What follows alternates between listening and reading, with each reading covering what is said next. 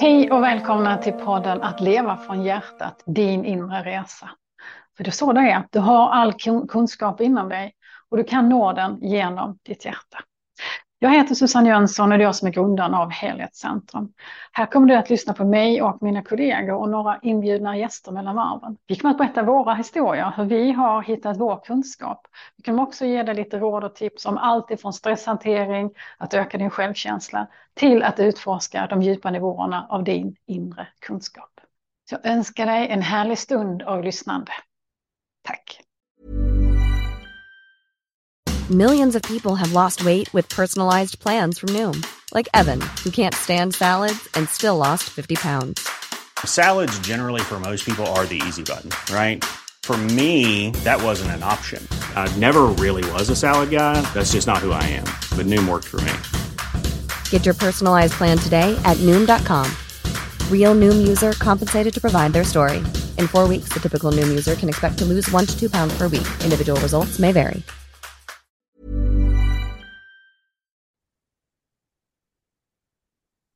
Idag har jag en gäst vars inre resa jag är väldigt nyfiken på. Det här är en kvinna som jag tycker väldigt, väldigt mycket om, en personlig god vän till mig, som står mig väldigt nära i mitt hjärta. Varmt välkommen hit Miriam Sundlöv.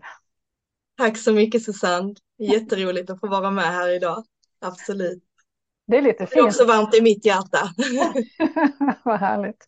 Det är lite fint att få lov att ha sådana här samtal som handlar om faktiskt det som jag tror är viktigt för många att, att få ta del av. Att våra inre resor är inte så märkliga och att det vi gör kan faktiskt alla göra. Det är därför jag tycker det är viktigt att göra detta. Men visst känner du på samma sätt? Det här är inget konstigt egentligen.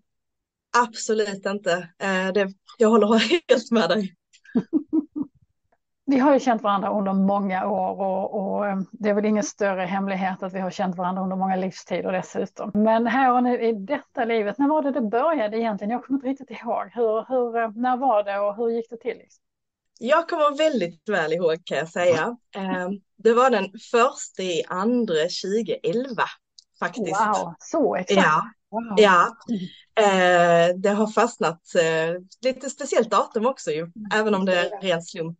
Mm. Det var min mamma som skulle på behandling hos dig för första gången och hon frågade mig om jag ville följa med som sällskap. Du vet, lite annorlunda, lite nytt. Man vet alltid skönt att ha någon med sig och hålla i hand.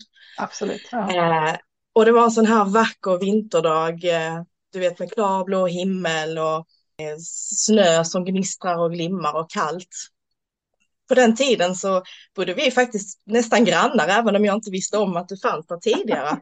Det stämmer. Eh, ja. ja, verkligen. Jag bodde ja. ute på landet, eller jag bor ute på landet och det gjorde ju du också, fast i våra mm. trakter då. Eh, Precis, jag har flyttat, eller jag flyttade ganska snabbt efter det, eller hur? Ja, en, en gång. Jag har knappt förlåtit dig. Han vi träffas innan du flyttade. Så att vi eh, körde på de här små grusvägarna och fick möte av en lastbil Mm. Och faktiskt krockade med lastbilen för där fanns inte plats att möta och det var halt så vi höll det nästan på att inte komma fram. Ja, ja. ja, så det var lite dramatiskt. Mm. Ja, det var det verkligen. Men eh, min mamma hon hade en så här gammal hederlig Volvo 240 så att den gick ju som en tröska så att vi kunde åtminstone ta oss tillbaka och byta bil eh, hemma hos mig då och så tog mm. vi min bil och körde till dig. Och sen satt jag där i väntrummet och, och så kände jag bara, åh, här, här ska jag vara. Wow. Wow. och så frågade jag dig eh, efteråt om jag kunde få en tid för behandling också. Mm. Och det fick jag, så fick jag vänta tre månader, tyckte jag var jättelänge i min värld. Förlåt säger jag sådär du vet. Förlåt min kalender. Ja. Men det var helt fantastiskt. Mm. Och det är också lite intressant när, när vi, alltså nu med lite mer facit i hand, när vi vet hur värdefullt och hur viktigt vårt möte var. Mm. Uh, hur intressant det är att man faktiskt ibland blir, försöker bli stoppad när man ska göra någonting som är väldigt, väldigt viktigt. Precis, verkligen mm. så. Och det var ju så, det blir ändå så lätt på något sätt. Det var inga konstigt, det var bara självklart att vi skulle till dig. Så fast mm. vi hade krockat och jag vet att jag åkte till akuten sen på kvällen för jag hade lite besvär och sånt där. Men det var liksom inget konstigt med det utan nej, men vi skulle på det här, eh, vi skulle på den här behandlingen. Det var inte mer med det. Eh, och det är inte förrän många år senare som det slog mig precis det du säger att Men som, när jag sett allt, allt som det har resulterat i, allt arbete vi har gjort tillsammans och fortfarande gör. Mm. Om vi aldrig hade träffats den där gången, hur Eller hade det sett ut då? Eller hur? Ja. Det, det, det är, jag, jag, tycker det är väldigt, um, väldigt intressant just med detta. För, för ni hade kunnat välja att, att tänka nej, usch då är det inte meningen eller när vi får mm. hem hand om oss eller ni hade kunnat välja så mycket annat. Men för er så, jag vet att det var så för er båda. Eh, mm. Att det var liksom inget snack, ni skulle bara fram. Och den, den um, insikten kändes tydligt i er båda. Uh, och jag tycker det är viktigt, jag tycker det är en viktig lärdom för många. Uh, mm. För ibland har vi en tendens att, att när det är någonting som som händer, någonting som stoppar oss. Så är det många som har en tendens, det kanske är vi alla mellan varven, liksom, att ha en tendens att tänka att ah, men då är det nog inte meningen. Men faktum är ibland är det verkligen så att de där stoppen är för att hindra oss när vi ska göra något viktigt. Precis, exakt. Och det kan vara antingen yttre hinder eller inre hinder som vi behöver absolut. överkomma. Ja, och det är därför det är så fint att vi att vi har hjärtmeditationen som vi använder oss av i skolan för att komma ner i våra hjärtan. För där är det ju aldrig något tvivel egentligen på vad som är viktigt och vad som är rätt för oss. Ja, det är sant, när man väl har lärt sig den så har man ju väldigt alltså en enkel teknik att ta reda på vilket är vilket. För det är lätt att bli mm. att, att egot eller huvudet stoppar och säger nej fy vad läskigt. Eller det som många pratar om, magkänslan. Den är jag inte ja. jätteförtjust i heller. För, för jag vet ju vad jag har i min magkänsla. Det är liksom magkänslan, den sitter i solar plexus. Och där Kontrollbehov. Har vi, har stressen, vi har kontrollbehoven, vi har alla oro. Allt det ligger där liksom. Så det kan man Absolut. Så tack gode gud att vi har hjärtat att gå in i för att där säkert liksom känna vad som är rätt för oss. Det är gott. Mm. Jag är väldigt tacksam för det. Ja, jag också kan jag säga. Du, eh, jag vet ju att alltså, alltså, vi har ju varit i varandras närhet länge, men jag vet också att ditt intresse för det andliga, det har du alltid haft med dig. Vill du berätta någonting om det? Ja, eh, för mig är det egentligen inget konstigt. Jag växte upp tillsammans med min mamma. Det var bara vi två och hon har alltid varit väldigt, väldigt öppen. Det, senast bara för någon månad så på fullt allvar eh, är hon i ett samtal med min man. Och så säger hon någonting om älvorna och, och Johan, min man, då säger nej men älvor det finns ju inte. Och då på fullt allvar utbrister hon, va? Tror du inte på älvorna? det är lite... Det, det jag vet, men Karin är Karin, det är underbart. Exakt, och det sammanfattar ju lite vad som, vad som var normalt för mig när jag växte upp. Det var inget konstigt med tomtar och älvar och, och det spökade på vår vind i huset och det var liksom in, inget märkligt med det. Så att, och, och, och, när man är liten så den verkligheten som är runt en, det är ju det som blir det normala. Absolut, och man ifrågasätter inte den heller, för det är ju no Nej. normalt såklart. Mm. Precis, och det är ju först i mötet med kanske den lite större världen, med kompisar, med, med andra föräldrar och sådär. När jag då märkte att jag sa vissa saker och så mm. fick inte sådär jättemycket gensvar på det. Som jag då började anpassa min verklighet. Det är ju många som berättar samma historia. Och det gjorde jag väldigt tidigt, att jag stängde ner det och tänkte att nu, nu ska jag vara normal. För jag vill bli omtyckt och då måste man vara normal. Vad nu det men eller hur, det, det, det, tror vi ju alltid. Liksom. Ja, precis. Framförallt i de åldrarna. ja, så för mig var jag stängd i rätt så många år. Det förändrades, det var två saker som gjorde att det förändrades egentligen. Det ena var att när jag var för ungefär drygt 20 år sedan så eh, eh, åkte jag och pluggade i Australien under tre år. Eh, och detta var i början av 2000-talet då och det var ett helt annat klimat. Det var så mycket mer okomplicerat det här med andlighet. Det var en öppen nyfikenhet, en upptäckarglädjen. Alltså snarare att, ja på gott och ont att människor testade lite olika saker så för att det var en självklar del i vardagen. Och det var jag inte van vid här från Sverige. När jag vet att eh, på, mm, när jag gick i femman då i slutet av 80-talet så min engelsklärare gav mig fel på ett prov när jag hade skrivit The Cat Smiles. eh, för att katter ler ju inte. Alltså, du vet, komma från det till att eh, prata om chakran och eh, olika kristaller och stenar och, och så gjorde ju att, att då drogs jag ju med i det igen och kom ihåg att just det, det finns ju allt det här. Mm. Så det var väldigt fint att få komma dit faktiskt och känna att det var en tillåtande miljö för att utforska det andliga. Ja, det måste ha varit jättefint. Alltså, ja. En frihet på något sätt att, att få lov att vara i det fullständigt naturligt. Vad häftigt. Det var jättefint ja. Och sen hade jag med mig en bok som jag hade fått ett par år tidigare men inte läst. Eh, och var, den var skriven av en författare som eh, tyvärr inte lever längre, eh, som heter Linda Goodman. Hon var en känd astrolog, kanske framförallt på 60-70-talet. Eh, och eh, det var faktiskt astrologin som blev vägen in i andligheten för mig, för det fanns ja. Element i den som, jag, som talade direkt till mitt hjärta som jag inte kunde ignorera, om man ska säga så. Mm. Så det var de två sakerna och sen blev jag meddragen till ett medium faktiskt när jag var i Australien. Jag hade aldrig besökt ett medium tidigare eh, och så berättade hon för mig att eh, hon såg att jag höll på med healing i framtiden. eh, vilket kändes totalt främmande för mig. Jag har alltid tyckt healing är något fantastiskt vackert och du vet den här tanken, ja de som kan så fantastiskt Mm. De som kan göra detta, som har den förmågan. Eh, och det trodde jag ju då endast var ett par utvalda som kunde göra det. Men hon sa då att nej men jag ser att du gör det men antagligen inte förrän du är 30 någonstans. Och det öppnar ju också upp en, en nyfikenhet i mig att börja kolla lite mer på vad är healing egentligen och vad finns det för olika sorter och sådär. Spännande. Mm. Ja. Så det var början kan man väl säga. Ja, precis. Men det är häftigt. Det, det är häftigt med det som gör att man helt plötsligt triggas igång. Men du, jag måste få lov att prata lite astrologi med dig. För det, det är ju så att, att, du är ju den som, som jag vänder mig till när, när eh, jag behöver fatta något astrologiskt. För mig så är det blankt. Alltså jag, jag förstår inte när ni pratar ert snack med hus och månar och hit och dit. Liksom. Alltså, det är så logiskt. ja, men eller hur? Eh, och det, det är så, ja, du tycker det är superlogiskt och jag blir blank. Alltså där är jag superblank. Bevisligen har jag aldrig någonsin jobbat med eh, astrologi. eh, men ehm, eh, å andra sidan har jag aldrig behövt det, för jag har alltid haft kunniga människor i min närhet och bland annat dig. Där, mm. där du eh, under ja, långa tider har varit den jag har vänt mig till och så är det fortfarande. Det jag tycker är roligt det är ju att, att du kan få denna konstiga värld, eh, förklara det för mig på ett sätt som att jag, jag fattar vad du menar. Ja, för det är ju där våra världar möts. Eller hur? verkligen, absolut. Ja. Det det, verkligen. Ja. Och det, sen kan jag också tycka att det är lite roligt att vara så där fullständigt blank eh, på, på, i ett ämne som ändå är inom det andliga. Men jag är verkligen helt blank. Eh, jag, jag brukar kunna, ja du vet, jag är tillräckligt intresserad och då brukar jag kunna sätta mig in i det i alla fall. Men bara nej, det är blank, alltså, det är inte mitt jobb.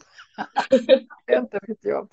Ja, det är lite roligt faktiskt. Det är konstigt för du är ju, du är ju den personen jag alltid vänder mig till i alla andliga frågor. Så att det, det är lite kul att det kan vara lite omvänt någon gång i alla fall. Ja men eller hur, det är ju så, vi behöver alla varandra liksom. Det, det, är, det är superkomiskt. Så, men, ehm, och det tycker jag är fascinerande. Eh, just det här att du kan förklara, för du gör det alltid på ett logiskt sätt, alltså för mig logiskt sätt, som gör att jag förstår och jag ser den större bilden. För för mig är, jag kan ju känna planeternas påverkan, jag kan kanske mm. till och med se dem ibland, men jag kan inte sätta alla de där tjusiga orden på dem som ni gör.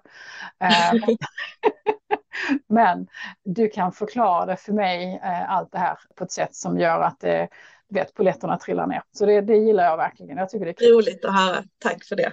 Ja, det är häftigt. Men det började i Australien det också. Vad var det du läste i Australien egentligen?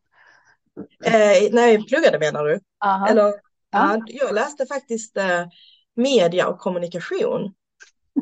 det är lite, lite, alltså det var väl lite sådär att jag, jag faktiskt, jag faktiskt, när det kommer till yrken, utbildningar så har jag alltid följt mitt hjärta faktiskt. Mm. Mm. De sa, när jag gick i skolan så sa de ju, ja men nu ska du titta på var behövs jobben? Var, vad behöver du utbilda dig till? Var finns det ett behov? Och jag kände bara, nej det är helt fel. Nej, det, nej jag kan inte göra så. Utan jag måste känna, vad, vad, vad tycker jag är intressant? Vad brinner jag för? vad, vad väcker min nyfikenhet? Vad väcker precis, mitt intresse? Precis så man måste göra. Starkt att göra så, så, så pass ung. Liksom. Det, men det är precis som man måste göra. Vad fint. Ja, för den var så tydlig. Det fanns liksom ja. inget. Det bara nej. Och då vet jag att jag kommer komma någonstans där jag får göra någonting som jag, där jag faktiskt är bra och där jag trivs samtidigt. Mm. Mm. Så det gjorde faktiskt, jag började med att plugga i Sverige. Jag pluggade psykologi och eh, sociologi eh, mm. i tre år i Sverige innan mm. jag åkte till Australien. Och det var ju det, intresset för människan har ju alltid Absolut. funnits med mig. Ja. Och, eh, det var så roligt för jag lärde känna en, en tjej när jag pluggade i Australien som var väldigt öppen och hade väldigt mycket hon lärde mig jättemycket, alltså hon var så här naturligt öppen och hade kontakt med sina guider och det var ju väldigt exotiskt för mig på den tiden. så, så jag tyckte det var väldigt spännande med henne. Och hon sa så här till mig, du plockar, du tror, du, du vet saker om människor, du tror det är för att du har den här psykologiska bakgrunden. Ja, så att du förstår människor. Ja, precis, det är ju det. Nej, nej, du plockar upp informationen från dem. Va? Kan man göra det? Vad menar du? Eh, men, men sen då eh, så blev det Australien av samma anledning att eh, det var det första jag hörde som inte, jag stod i ett stiltje i livet, jag visste inte var jag skulle gå nästa. Och så var det någon som bara sa, varför åker du inte och pluggar i Australien? Och innan hade ju folk frågat, men du kan ju göra det här, nej, du kan göra detta, nej. Varför åker du inte och pluggar i Australien? Så tänkte jag, ja, varför gör jag inte det? Det kanske jag skulle göra. och sen så fick jag, skulle jag ju hitta, så det var först det, sen skulle jag hitta vad jag ville plugga då. Och jag har alltid tyckt om det skrivna ordet, vibrationen i orden, att hitta det rätta ordet och, och ja, känslan som en välskriven text kan väcka mm. om det, och så vidare. Så, så journalistik kändes som att ja, men då kan jag kanske få jobba med det skrivna ordet. Sen hann jag gå en termin så förstod jag att nej, jag kommer inte att jobba med journalistik. det var men inte rätt mig. Samtidigt är det otroligt komiskt för, för idag så har ju vi du och jag tillsammans en oerhört stor nytta av ditt, eh, alltså din, din eh, passion för ord och det skrivna ordet. För, mm. för er som mm. lyssnar och som kanske inte vet om det så är Miriam den i vår skola som hjälper mig otroligt mycket med, ja, med alla texter jag skriver, korar, allt jag gör. Och, eller, jag ska inte säga allt jag gör för det är inte alltid du hinner innan jag har släppt grejer. Men, men, och jag vill också... Nej, du är snabb när du sätter igång. ja, precis. Jag vill också då säga för, så för tydlighetens skull att hittar ni någonting med, med stavfel så är det för att, för att Miriam inte har hunnit korra det för att jag redan har släppt det. Men, men annars ja, det är det så. ja men så är det ju. Det kan ju vara att jag har missat också, händer ju tyvärr. Ja men jag tror inte lika ofta som, som jag missar faktiskt. Eh, jag tror att jag är bättre på det. Men det, men det är ju det som är så fantastiskt för att för mig så är det ju en otroligt stor hjälp i vår organisation och i mitt arbete. Ja, men det är fantastiskt och det, Eh, och det fina är att det gäller både allt vi gör på, på den svenska delen i skolan men också på den internationella delen i skolan. Så att det, mm. det är ju eh, allt det där som du har lärt dig och jobbat med. Vi har jättestor nytta av det så det tycker jag är ganska magiskt. Ja, jag håller med dig och det är också, jag tror jag till och med sagt det till dig någon gång, att just att titta tillbaka och se hur allting att det finns en röd tråd i allting. Mm. Även om det inte är tydligt när vi är mitt uppe i det livet så, så ofta är det ju så när vi tittar tillbaka att aha, det var den pusselbiten som behövde falla på plats eller det var den kunskapen som behövde mm. inhämtas för att det finns ju alltid en tydlig plan i allting. Ja, det är det som är det magiska. Så det är så ja. fint att se det här när man tittar tillbaka. Ja, just det. Ja. Det var därför jag gjorde så. Exakt, sen kanske det är tur ibland att vi inte vet riktigt vart den vägen ska föra oss. För då kanske ja, vi hade det, backat. det är väl ändå en himla tur att vi inte vet det. För hade vi alltid vetat det så hade det varit så omöjligt. Det hade varit så omöjligt att föreställa sig hur ska det gå till. Så att jag tror att alla hade gjort så som min första instinkt i, i det. Det är liksom bara att slå hälarna i golvet och säga nej, skulle inte tro det, jag gör något annat. Så att, nej, det är väl så. Vi tar ett steg i taget, det räcker länge. Mm. Miriam, mm. du är mm. helhetsterapeut. Jag vet att eh, här hos oss, jag vet att du firar i år 2023 så firar du tio år som certifierad helhetsterapeut. Faktiskt 9 oktober. Tack så jättemycket. Faktiskt 9 oktober. Jag har inte kollat exakta datumet men det är vilken dag som helst nu. Ah, magiskt. Ja, ja, Tack så jättemycket. Ja. Vi spelar in det här i, eh, i oktober 2023 så eh, även om det sänds lite senare så är det därför vi inte får ordning på årtalen här om du undrar. Mm. Men, men eh, vi spelar in det i eh, oktober 2023 och tio år som certifierad helhetsterapeut. Visst är det magiskt? Det är helt ja, det är helt fantastiskt och det är också en sån där grej när jag stod på den första kursen hos dig att inte kunna förstå vart den vägen skulle leda mig men ändå varje steg har känts som att jag går ett litet steg till till att bli mer mig själv, ett litet steg till till att hitta hem. En helt mm. fantastisk resa och är fortfarande så mm. tacksam så tacksam på många sätt för att våra vägar korsats och att jag fått ta del av din kunskap. Verkligen, mm. Helt fantastiskt. Ja, vad fint, vad härligt. Du är också lärare i vår skola. En mm. av dem som, som har mest rutin och erfarenhet. Du jobbar heltid med ditt mm. företag, Giggling ja.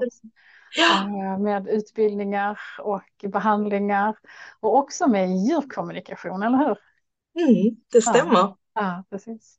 Det, ja, det är bland det roligaste. Jag, jag känner mig jag, jag, säger det väldigt ofta märker men, men för att jag älskar verkligen mitt jobb. Jag älskar mm. alla delar i mitt jobb. Men djurkommunikation har en alldeles, alldeles speciell plats i mitt hjärta för det är så magiskt fint att få den äran och det förtroendet att förmedla vad ett djur vill säga till sin husse eller matte till exempel. Det är att få vara med om den och den kärleken. Det är något alldeles utöver det vanliga. Så det är kul. Ja, det är det verkligen. Det, det, är, alltså, det är jätte, jätte, jättefint. Djurkommunikation. Jag började ju alltså, med det här för väldigt många år sedan, men, men djurkommunikationen har alltid varit en del i våra utbildningar. Vi har ju, vi har ju de här steg, alltså de olika grenarna. Vi har mm. healingen, vi har kanaliseringen, vi har meditation och högre medvetande och vi har också djurkommunikationen. Mm, så jag hinner tyvärr inte med det så mycket längre. Men eh, jag utbildar er terapeuter till att bli helhetsterapeuter för människor och djur. Och det är mm. för att vi ska kunna ge riktigt, riktigt bra både kommunikation men också riktigt, riktigt bra behandlingar till djur. Ja, precis. Precis, och det är, så, det är så viktigt. Och där har det också hänt väldigt mycket. Där, återigen om jag då får jämföra med när jag var barn då på 80-talet. Så då, då var det ju på allvar att man hade diskussioner, har djuren en själ? Ja, oh, gud ja, ja otroligt. Ja. Ja. Det, och så sa man, men titta det här är ju kärlek när man såg en kattmamma ta hand om sina barn till exempel. Det här är ju kärlek, nej det är instinkt sa man då. Ah, okej, okay. wow. Ja, det är helt galet. Det har verkligen förändrats. Och ja. tänker, både för dig och mig så har det varit ganska självklart att djuren, de är lika medvetna som vi är. Precis, absolut. Och jag blir fortfarande full i skratt när någon kommer och vill lära sig djurkommunikation för att få djuren att lyda. Det har aldrig funkat i min värld. Förlåt alla som lyssnar, men det funkar inte. Nej, verkligen inte. Och, och, det är, och det är rätt så, för det ofta är det ju så. Uh, I mitt arbete som djurkommunikatör så, så kommer ju många människor kommer med sina djur av olika anledningar, men det är ju inte ovanligt att det är för att djuren har ett beteende som man som ägare inte är nöjd med. Ja, precis. Och eh, där är det ju lite 50-50 på var den landar känner jag. För det beror ju helt och hållet på vad som är anledningen till beteendet.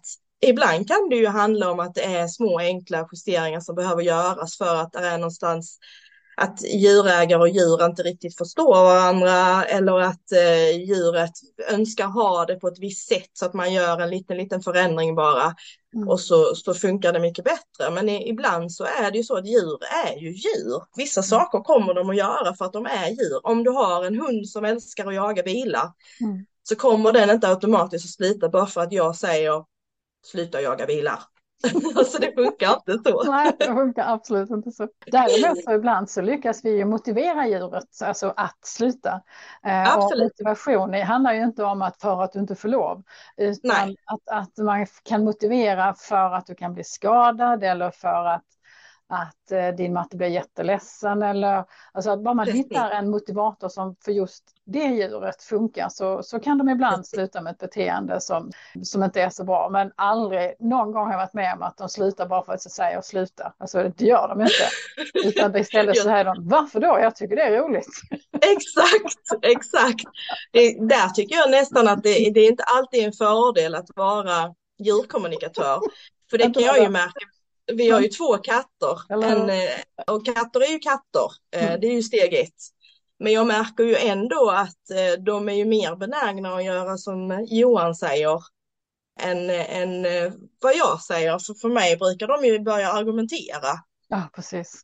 Då börjar de, nej men om jag då inte tycker, nej nu är det den här maten som gäller idag så hör jag ju, då börjar de säga, ja men det är ju så mycket glädje för oss när vi får den andra, det blir så skillnad i livet och kan vi, ungefär som när barnen tjatar om godis fast det inte är lördag liksom. Ja, ja okej då. Och så säger Johan, du är så svag, du är så svag, det är bara att stå emot. Ja. Men det är ju faktiskt så att, att eh, jag kan tycka att djuren är ofta mer inne i våra egna huvud liksom än vad de borde vara. Eh, och de vet ju precis våra svagheter. De vet ju precis liksom att ja visst hon säger att hon tycker det här är viktigt men hon tycker inte det egentligen. Liksom. Det, eh, hon säger det för hon vet att det borde vara så men, men egentligen tycker hon inte det är så viktigt. Och då snackar de ner en istället. Det, så är det. Men visst är det roligt Susanne när det här måste du också råkat ut för. Om man är hemma hos någon annan som har djur mm. och djuret eller om ägaren inte förstår att djuret förstår allting de säger och tänker. För så är det ju, djuren absolut. hör ju oss mm. hela tiden. Ja, ja, det är ofta vi som kan ha ett problem med att, att uppfatta vad de säger. Men det är ju mm. aldrig på andra hållet.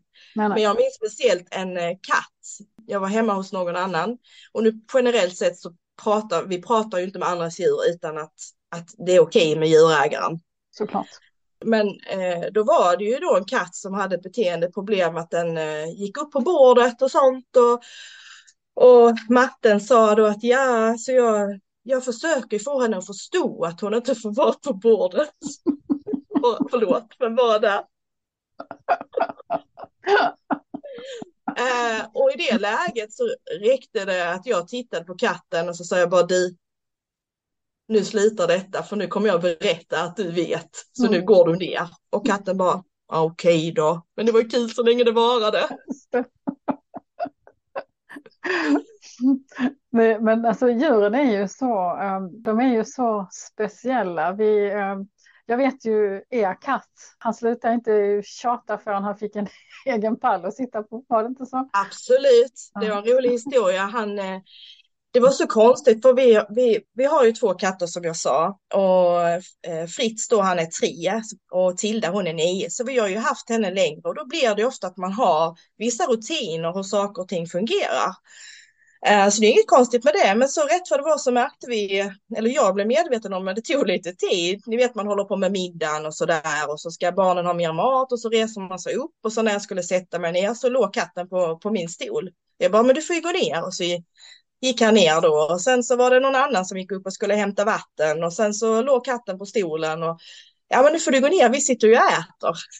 Och så gick det nog ett par måltider innan jag tänkte, men vänta lite, jag kanske ska höra om det är något han vill, för det känns ju som att han försöker säga mig någonting. Och då äh, frågade jag ju honom, eh, varför, varför hoppar du på våra stolar hela tiden? Och han bara, ja men vilken stol är det som är min egentligen? Ja, precis jag hör väl också till den här familjen, då ska väl jag också ha en plats vid bordet. Mm. Eh, och det var ju fullkomligt logiskt när han sa det så, det var bara att jag hade aldrig tänkt på det, för vi har aldrig haft någon som har signalerat det behovet innan. Eh, och då gick jag och hämtade, precis som du sa, det var en, sån där speciell, ni vet en sån där eh, som har klös, klös själva pelaren. Liksom, ja, ja, ja, ja, ja, och så är det en sån enkel liten rundning som man kan ligga i då. Den har ju mm. stått i vardagsrummet hur länge som helst och det är inte en katt som har legat i den. Nej. Det har varit till och med varit så här, ska jag göra av med den? För det är ändå, ni vet, man ser fortfarande eh, gnistret för att den eh, är så oanvänd liksom. inte tillplattad. Men tänkte ja, jag går väl och hämtar den. Så jag gick och hämtade den, ställde den på porten. Han hoppade upp direkt. Direkt och la sig där. Tack så mycket, det här är min plats. Och sen mm. dess så ligger han ofta där när vi äter. Mm. Vad häftigt. Det är jätte, uh, jättehäftigt. Botox Cosmetic, out of botulinum toxin A, FDA approved for over 20 years. So, talk to your specialist to see if Botox Cosmetic is right for you. For full prescribing information, including boxed warning, visit BotoxCosmetic.com or call 877-351-0300. Remember to ask for Botox Cosmetic by name. To see for yourself and learn more, visit BotoxCosmetic.com. That's BotoxCosmetic.com. Millions of people have lost weight with personalized plans from Noom, like Evan, who can't stand salads and still lost 50 pounds. Salads, generally, for most people, are the easy button, right? For me, that wasn't an option. I never really was a salad guy. That's just not who I am. But Noom worked for me. Get your personalized plan today at Noom.com. Real Noom user compensated to provide their story. In four weeks, the typical Noom user can expect to lose one to two pounds per week. Individual results may vary. Så Vi har ju, vi har ju eh, vårt regelverk är ju ganska strängt när vi pratar med djur och med djurägare. Vi pratar aldrig med främmande djur eh, utan att ha djurägarens tillstånd. Vi gör aldrig saker i smyg. Och vi Nej. kommunicerar inte heller med djur på distans. Nej, Eh, Det är ju ganska vanligt bland djurkommunikatörer att prata med djur på distans och i vår skola så gör vi det aldrig. nej, Och för mig så är det för att, inte, inte för att det är svårt att göra det, för det är väldigt lätt att prata med djur på distans, men Mm. felkällan är, eller risk, risken för felkällor är väldigt stora. Eh, och påstår att i bästa fall så blir det kanske, alltså sannolikheten att det blir bra är kanske max 70 procent. Och 70 mm, procent funkar inte för mig, alltså det räcker inte. nej, någonsin. Så att därför, därför är jag ju väldigt tjurig på det. Vi pratar aldrig med djur på distans, alltså punkt. Alltså det är där är jag, där är jag supertjurig. Men det gör ju också att vi får många härliga djurmöten många gånger. så blir det, helt Eller, klart. eller hur? Eh, Ja, Och det är också, jag ska också säga det att ytterligare en av anledningarna till att vi absolut inte pratar med djur på distans, det är att djur har en tendens att visa oss det de vill att vi ska se. Mm, vi som djurkommunikatörer, vi kan ju inte tvinga ett djur att svara på frågor. Och vi kan inte alltid tvinga dem heller att, att visa vad som är ett problem. Nej. Eh, och många gånger så är djuren så otroligt lojala mot sina ägare. Mm. Så de, eh, ja, de håller masken helt enkelt och säger det är Mm. inget problem, jag mår bra eller det här är inte så farligt. precis. Eh, Men om man istället verkligen träffar djuret så ser man någonting helt annat kanske. Så att det är därför jag är så noga med det. Ja, och det, just det där med lojaliteten är ju någonting som är övergripande tycker jag i Mm. alla djurkommunikationer jag har gjort. Eh, verkligen. och där, där vet jag, jag kan ta ett exempel, det var en kvinna som, eh, som kom med sin hund som var ganska osäker och väldigt beskyddande om sin matte. Hon hade problem med att han skällde, de bodde i lägenhet. De hade problem med att han eh, skällde även när det gick folk i trappan och han var inte heller förtjust när det kom in människor i lägenheten och framförallt inte män Mm. eh, kunde bli ganska otrevlig. Och då ville hon ju ha hjälp. Det så ville hon, för det är alltid steg ett är ju alltid att förstå vad är det som orsakar detta beteendet. Och jag pratade med här, den här hunden både länge och väl och eh, ja, jo, att hon var lite osäker och sådär. Det kom ju fram ganska snabbt. Det var ju ingenting med det, men du vet den där känslan när någonting, det känns som att det är någonting som trycker som inte kommer fram. Och jag försökte med den ena frågan efter den andra och vi tog en liten paus och jag pratade lite med matte och hon var ju bekymrad och för det blir ju problem. Mm. Och sen eh, till slut då efter vi hade pausat lite och jag började prata med hunden igen så sa hon och då kom det som en flod så här.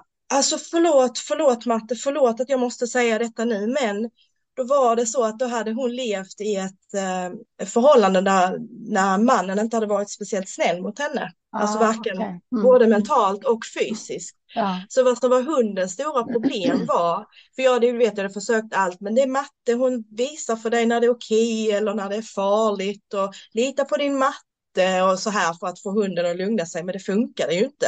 Mm. För hunden litade inte på sin matte eftersom att hon då i hundens ögon hade tillåtit eller var inte tillräckligt stark Mm. för att stå emot den här mannen i det förflutna, eh, från det förflutna. Ja, det. Vilket Ja. gjorde då att hunden hade ju tappat, kände, tog ett väldigt, väldigt stort ansvar för sin matte. Mm, Ja, precis. För kan inte matte skydda sig själv så måste jag göra det. Precis. Mm. Och det, men det satt väldigt, väldigt långt inne för hunden att säga detta och man märkte att hon Mm. skämdes ju när hon sa det för att hon kände som att jag pratar lite illa om min matte som samtidigt är den bästa människan i hela världen. Mm. Men nu måste jag säga det. Och hade vi gjort detta på distans så tror jag aldrig jag hade fått fram den informationen. Nej, jag tror inte jag heller. Aldrig. För det, det, det, krävs, det krävs en närvaro där man får, alltså där man verkligen får se och känna av alla delarna av djuret. Liksom. Så att det, det, bra. Precis. Jättebra. Ja. Precis. Hur gick det sen då? Eh, ja, ja, jag vet faktiskt inte, för hon var en sån där som kom in i mitt liv och kom på en och sen så försvann hon lika fort igen. Men oftast är det ju så, för jag, jag säger alltid att, eh, att eh, uppmuntra till att eh, såklart att är det några problem som kvarstår eller, Mm. eller om det är någonting som de funderar över eller så, så får de ju återkomma. Men jag hörde inget mer från henne, så jag får hoppas Jag och det. anta att det gick bra. Ja, precis. Det är så det brukar vara. Eh, Ja. När vi inte hör mer så, så har det funkat. Jag hade en, eh, när du berättade om den här hunden och lägenheten så kom jag att tänka på en hund som, som eh, eller en djurägare och hund Där, eh, det är konstigt, jag minns, jag minns djuren, jag har svårt för att minnas människorna. Men jag, minns djuren. jag känner igen det där. pinsamt, pinsamt men sant. Och de kom med sin hund för han skällde. Eh, okay. Skällde eh, när han var ensam hemma i lägenheten. Yeah. Vilket såklart inte alls var bra. Nej. Den här kvinnan, hon jobbade ja, vet, kvällstid och, och ja, hon behövde kunna vara borta oavsett liksom. Och hunden Hunden kan ju inte stå i en lägenhet och stå och skälla på det sättet, det funkar ju inte.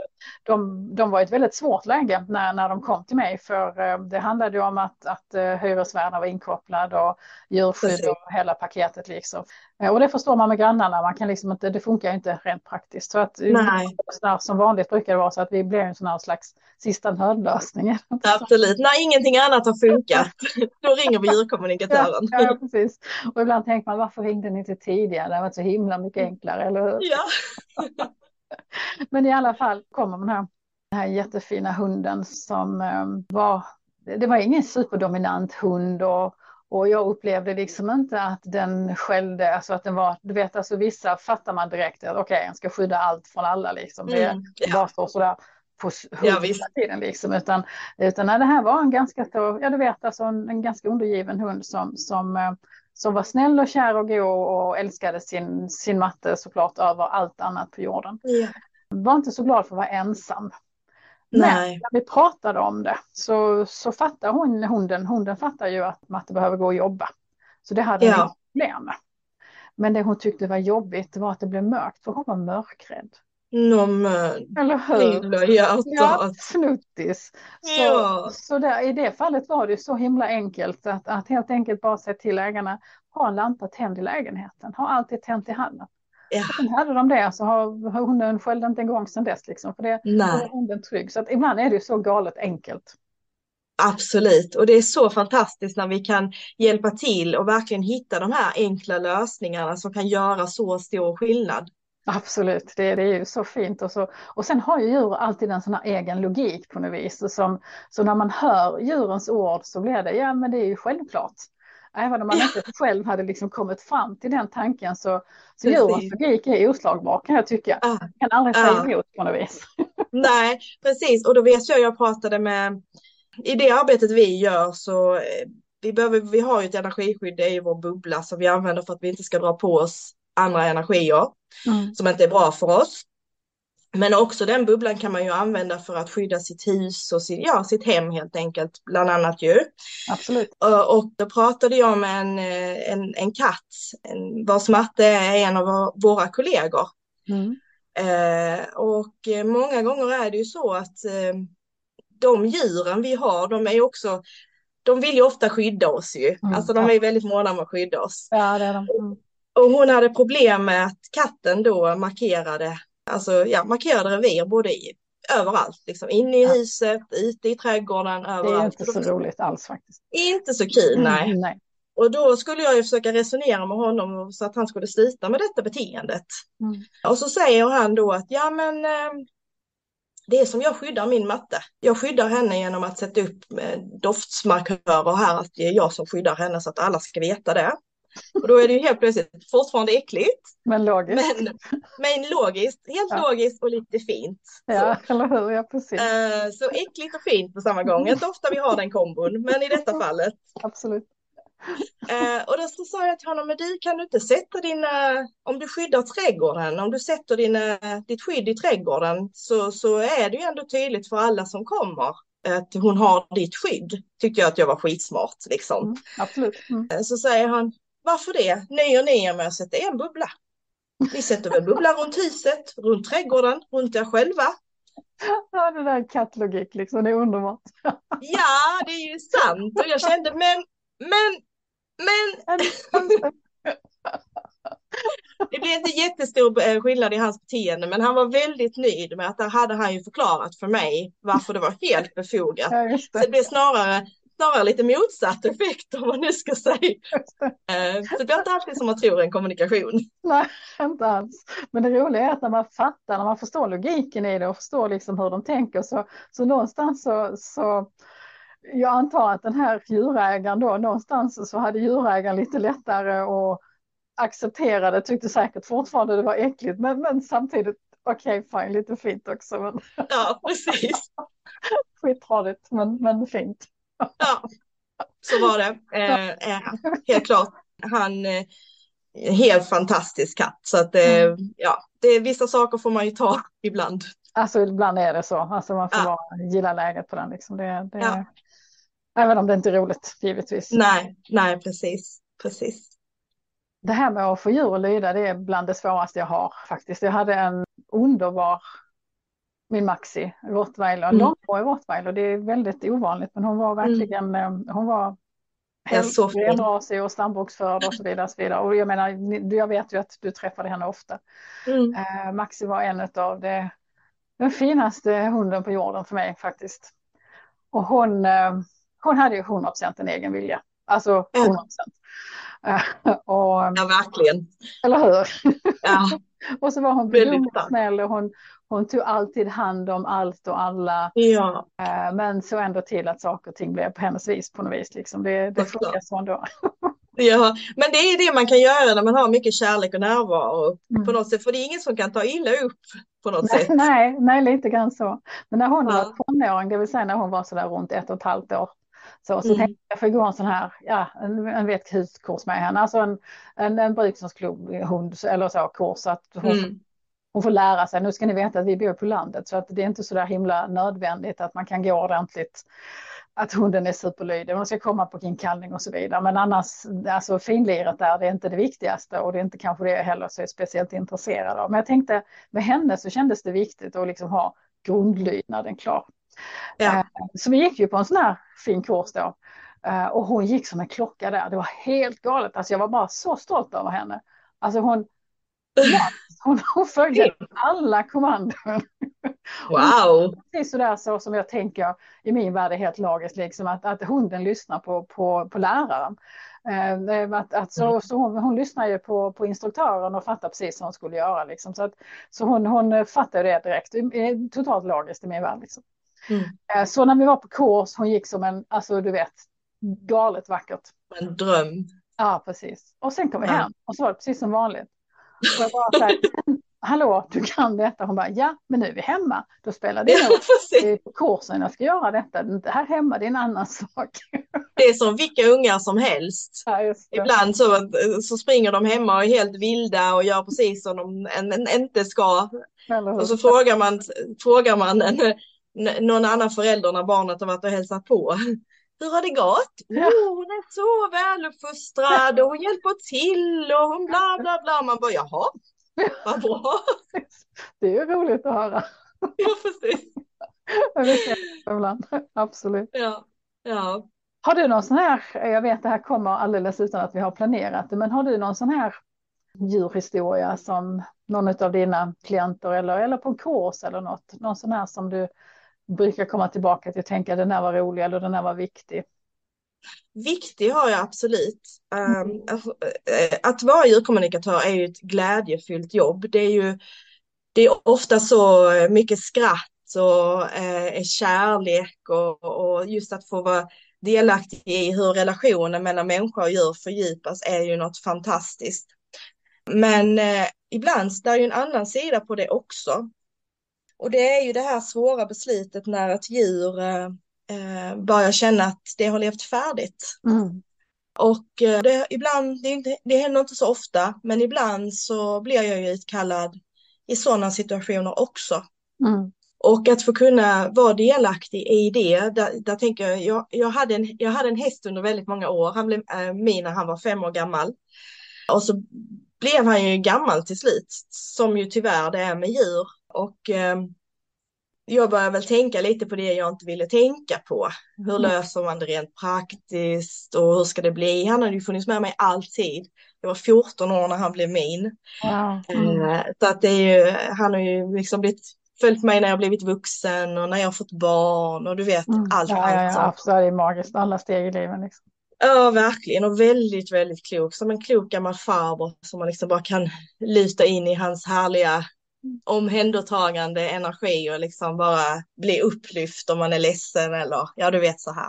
Absolut. Men han sa till mig att eh, jag behövde inte tänka på det för att när han började bli färdig så skulle han tala om det för mig. Mm. vilket ju både gör det hela så mycket enklare men också så mycket svårare. Ja, ja, ja, absolut. För sen kom ju den där dagen eh, när eh, han, han stod hos Karin, min mamma då, där hon ringde och sa nu har han inte ätit sedan igår. Mm.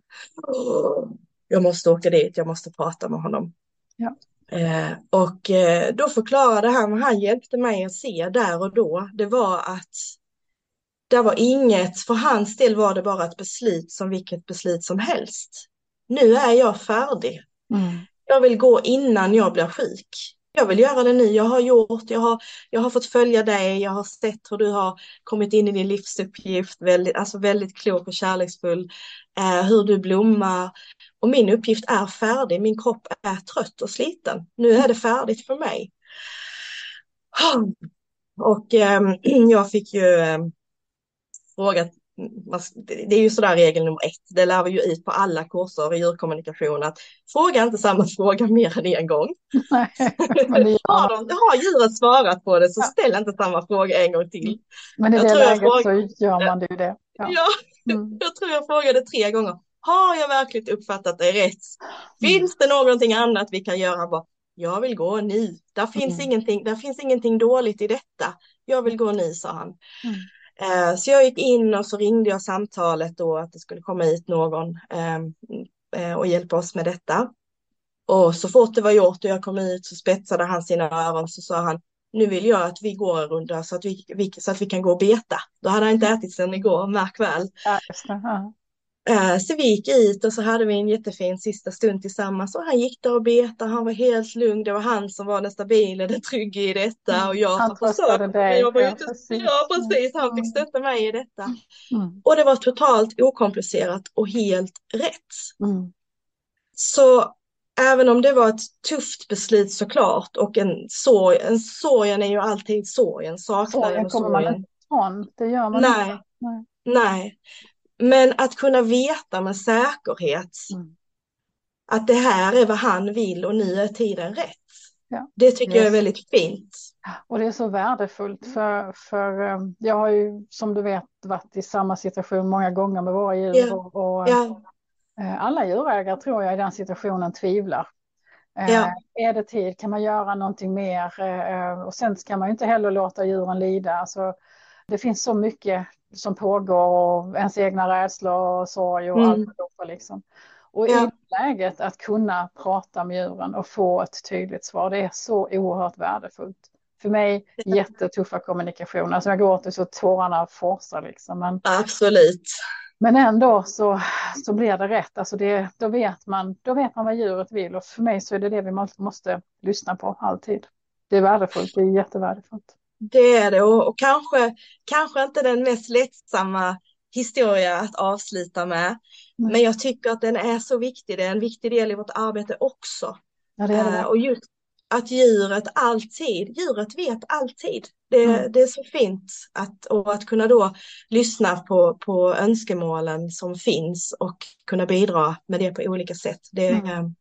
det är fint också även om det kanske inte när jag vet att en sån kommunikation kanske är det inte den som jag känner att eh, åh vad roligt det ska bli. Men jag vet att, att jag hjälper djuret att göra någonting som är väldigt viktigt för honom eller henne. Så att eh, det är också en fin del i det faktiskt. Mm. Mm. Det, det är det verkligen eh, och det är bland det vackraste man kan göra. Det är svårt och det är tungt men, men det är också väldigt, väldigt rätt att kunna göra det. Men då Ja, måste jag avsluta med en, en sån här galet rolig djurkommunikation som Ja, jag fortfarande kommer ihåg efter alla dessa år.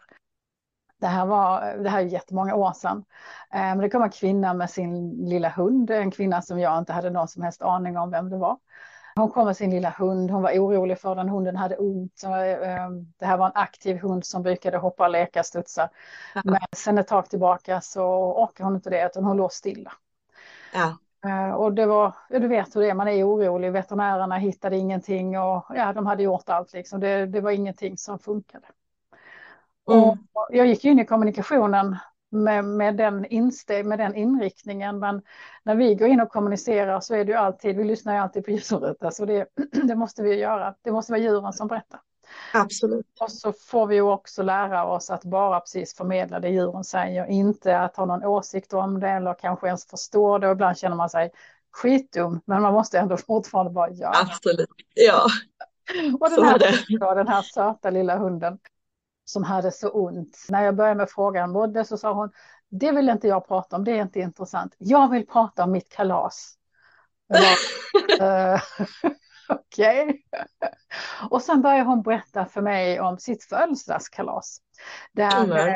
Eller hur? Jättestort födelsedagskalas och det var, inte, det var liksom inte det lilla diskreta utan det var en stor grej med många finklädda gäster, ett presentbord alldeles fullt med wow. superfina, det var sådana snygga presenter. Okej. Okay. Okej, okay, det här kan jag inte säga någonting, alltså det, jag känner mig skitdum, alltså på riktigt, jag kände mig jättedum.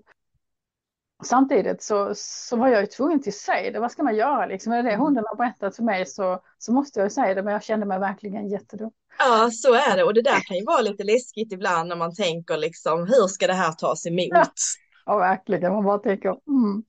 Så jag ja. berättade ju det för, för, ehm, eh, för hennes matte då. Och, och matte då hon ser lite generad ut och säger ja du vet vi har inga barn. Eh, så så hon, hon har blivit vårt barn. Och, och när hon fyller år så har vi ett jättestort kalas. Och vi har släkten och vänner här och alla kommer till henne. Och, och, eh, och, och, för henne var det också så fint att se liksom hur, hur, hur hennes hund njöt av denna uppmärksamhet och, mm. och hur mm. hon tyckte det var. För det var det enda hon hade lust att prata med mig om. Eh, när mm. hennes mående så bara tittade hon på mig och sa hon att det där kan du fixa så det får du lösa. Jag vill inte prata om det. Jag vill prata om det här. Ja, Precis. Och så är det ju ofta, det har jag med haft i, precis som du säger, andra situationer med, med, med där, där djuren verkligen styr och jag försökt rikta in det, ja men nu ska vi prata om hur du mår, och bara, ja okej okay, fast nu vill jag prata om detta. Och så, och så då när den där, när man ska säga till ägaren, bara, ja jag vet ju att du hade ju vissa önskemål vad, vi skulle, vad det här skulle handla om, men, ja, men ja, det, här istället. Djuret ville bara prata om detta, så tyvärr, så här är det liksom. Ja, precis. Det är häftigt. Det är ja, fint, vad gulligt. Mm. Ja. Ja. Mm. Alla våra djurlärare, alltså jag började hålla djurkurserna i 2000 tror jag, så det, det är många, mm. många, år sedan. Men ja, alla har, djurlärarna, för er som inte vet om det som lyssnar, så för mig djurlärare, det är alltså de djuren som vi har som, som, vi har som Eh, det är de viktigaste lärarna på våra utbildningar. Det är inte vi som mm. människor, du och jag Miriam, när vi har en, en djurkurs. Utan det är Absolut inte. Absolut det är som är de viktigaste lärarna och det är de som, tycker jag, alltid gör det stora jobbet. Liksom. Vi sitter mest och, och hjälper till lite och styr, men det är alltid djuren som gör det största jobbet. Och till mm. mig alltid, alltid sagt att de tycker det är så viktigt med kurserna, att lära människor mm. prata djur, eller att sagt, ja. lära människor lyssna på djur. Mm. Ser det som brobyggande. Precis. Att förståelsen. Och det tycker jag är så vackert. Det, är, det är vackert. Ja, det är det. Och det är så roligt för att vi har ju katterna, katterna är ju med, det är ju, det är ju djurlärarna här, det är ju katterna. Framförallt är det ju den äldsta, men hon har på nåder gått med på att eh, den yngre behöver ju få läras upp. Så att eh, han, får ju, han får ju lov att vara med nu och han är så tacksam att han får vara med. Sen har vi även höns och då är det tuppen som brukar prata med, med eleverna.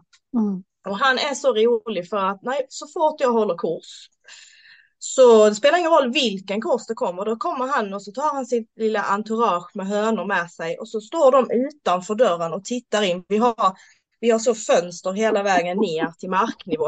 Eh, och då står han där och tittar, hallå, när är det dags? När är det vår tur? Jag förklara, men det är inte en sån kurs, det finns andra kurser med. Nej men detta är det viktigaste som finns, de måste ju prata med oss också, de måste ju förstå och lära sig detta. Så det är så roligt. Varenda kurs och alla är bara, åh vad gulligt, där står ju, här står ju tuppen och hönorna bara, ja för att han försöker komma in, han vill vara med på kursen. Och för dig och mig i vår värld så står de där och pratar med oss hela, hela tiden. Liksom. Hela tiden. Trycket ja. hela tiden. Exakt. Ja, det är, ja, det är roligt. Ja, det är det mm. faktiskt. Det är jättefint. Ja, det är fantastiskt fint och just som du säger att deras jobb är så så viktigt på så många olika sätt och det är mm. verkligen det när de kommer in, djuren, djurlärarna så är det ju, det är ju de som är stjärnorna. De kommer in och de Absolut. visar, i alla fall katten, de visar upp sig. Eh, Tilda då, min äldsta katt, hon vill ju gärna sitta på lärarpermen för att hon Mm. är ju läraren. Såklart, ja. Ja, Ja, absolut. Det är ett viktigt jobb. ja det är magiskt. Det är det. Det, eh, med tanke på allt vi har pratat om såklart, men också eh, i det du gör i din vardag, i, eh, i din resa hit till den kunskapen du har idag som terapeut och som lärare och, och så vidare. Om du skulle ge Mm. våra lyssnare ett viktigt tips, någonting som du tänker att eh, någonting som, som du vet hjälper dig kanske, eller någonting som du vet är en, är en enkel väg för alla. Alltså någonting som du vet, för den som står och längtar efter att få komma igång på sin inre resa. Vad, alltså, vad, vad är ditt bästa tips? Eh, Det skulle jag säga det är att följa din glädje. Känner du, känner du längtan, känner du det här pirret, eh, så låt inte någonting annat hålla dig tillbaka. Låt inte din osäkerhet få välja åt dig. Eh, Utan, utan du är värd att få utforska det för din egen skull. Mm, så viktigt. Det är, nog, ja, Mm, och det är någonting som jag har lärt mig verkligen under den här resan, att, att jag har förstått under tidens gång, och jag får ju såklart jobba med detta fortfarande, ett tema som jag jobbar med mycket i eh, mitt liv är är självtilliten, så absolut hamnar jag ju där fortfarande, men det är att det finns inte så särskilt många begränsningar egentligen, utan de flesta begränsningarna de sätter vi upp i vårt huvud. Och Ja. ofta handlar de om andra saker, olika rädslor, kan jag klara detta, hur ska jag få det att funka rent praktiskt, du vet alla de här alla bitarna. andra säga och vilka föreställningar har man och allt det där. Ja, precis. Exakt, exakt. Ja, Så, eh, men, men låt inte din osäkerhet få stoppa dig. ja, Utan vad gör det du mm. Jätte, jättebra. Följ glädjen, det är så viktigt. Alltså, det är Mm. så viktigt. Jag kan inte göra någonting om jag inte tycker det är roligt. Alltså, det är, Nej, Glädjen är så viktig. absolut. Då har den här timmen gått mot sitt slut, Miriam. Tusen tack. Wow. Eller hur? Det är så roligt att få sitta och prata med dig så här en stund. Eh, också väldigt roligt att få dela med till alla lyssnare om din Tack. erfarenhet och din kunskap. Så tack så jättemycket för att du har varit med. Tusen, tusen tack för att jag fick vara med. Det var jättefint. Tack. Härligt. Tack. tack. Botox Cosmetic, out of botulinum toxin A, FDA approved for over 20 years. So, talk to your specialist to see if Botox Cosmetic is right for you. For full prescribing information, including boxed warning, visit BotoxCosmetic.com or call 877-351-0300. Remember to ask for Botox Cosmetic by name. To see for yourself and learn more, visit BotoxCosmetic.com. That's BotoxCosmetic.com.